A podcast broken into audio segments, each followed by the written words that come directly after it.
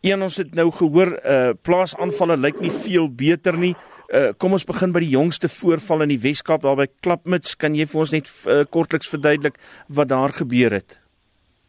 Wel, ek dink dit is die vierde baie ernstige aanval, eintlik moord in die Weskaap in die afgelope maand. As ons gaan kyk wat gisteraand of vanoggend baie vroeg gebeur het omtrent 0:30 het die boer ietsie gehoor in die huis. Hy het sy handwapen in die hande gekry en en uh toe net daarna daar skietgeveg tussen hom en 'n uh, 'n hele aantal aanvallers uh aan die gang geword.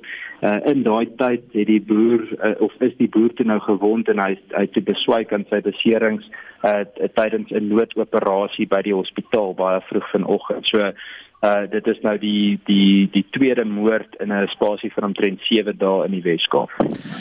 Ian, ons het uh, so kort rukkie gelede ook gepraat oor 'n uh, oor 'n hele aantal moorde wat oor 'n naweek plaasgevind het. Nou het ons weer 8 moorde die afgelope naweek. Is dit vir julle kommerwekkend? Dit is verskriklik as ons gaan kyk na die syfer tussen 2012 en 2016 is daar 112% stygings in plaasaanvalle, 34% stygings in moord spesifiek. Uh daar was tot dusver hierdie jaar 341 aanvalle en 65 moorde. Dit is reeds 10 meer moorde as 2016 en reeds sowat uh, amper meer as 30 uh, aanvalle uh as 2016. So ons sit werklik met 'n krisis as ons dit vergelyk met die misdaadstatistiek wat vandag bekend gemaak is. Uh stem dit eintlik nogal baie goed ooreen veral met uh roof met verswarende omstandighede en dit wys vir ons dat geweld in die land totaal buite beheer is en dat boere net 'n groter en groter teiken word. Julle waarsku uh, mense vir die res van die jaar, wat dink jy uh, kan ons vir die res van die jaar verwag nou dat ons in die kersseisoen inbeweeg?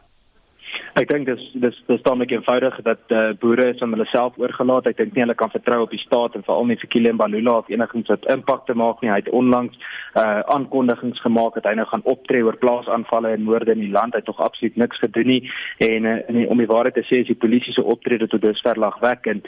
So uh, ek dink nie dit gaan enigsins veel verbeter vir die res van die jaar nie. Ek dink ons kan verwag om verdere geweld te sien.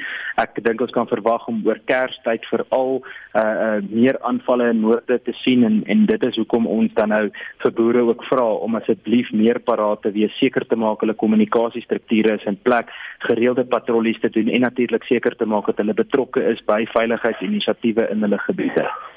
Jan, hoe maak 'n mens van hier af om aandag aan die probleem te gee en te sorg dat ehm um, 'n mens nog dan saam met die polisie werk?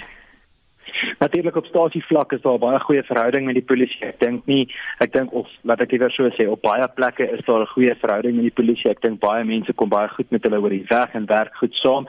Ongelukkig is dit so dat grondvlak polismanne ook nie die opleiding kry wat hulle moet hê nie. Hulle baie van hulle het nie die hulpbronne wat hulle moet hê nie.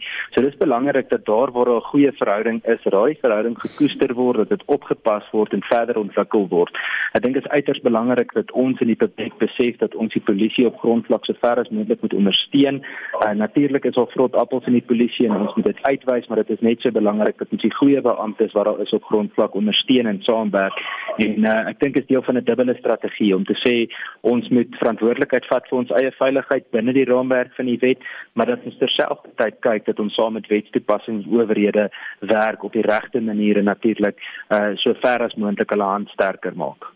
Cameron baie dankie vir jou tyd. Dit's Ian Cameron Afriforum se hoof van gemeenskapsveiligheid.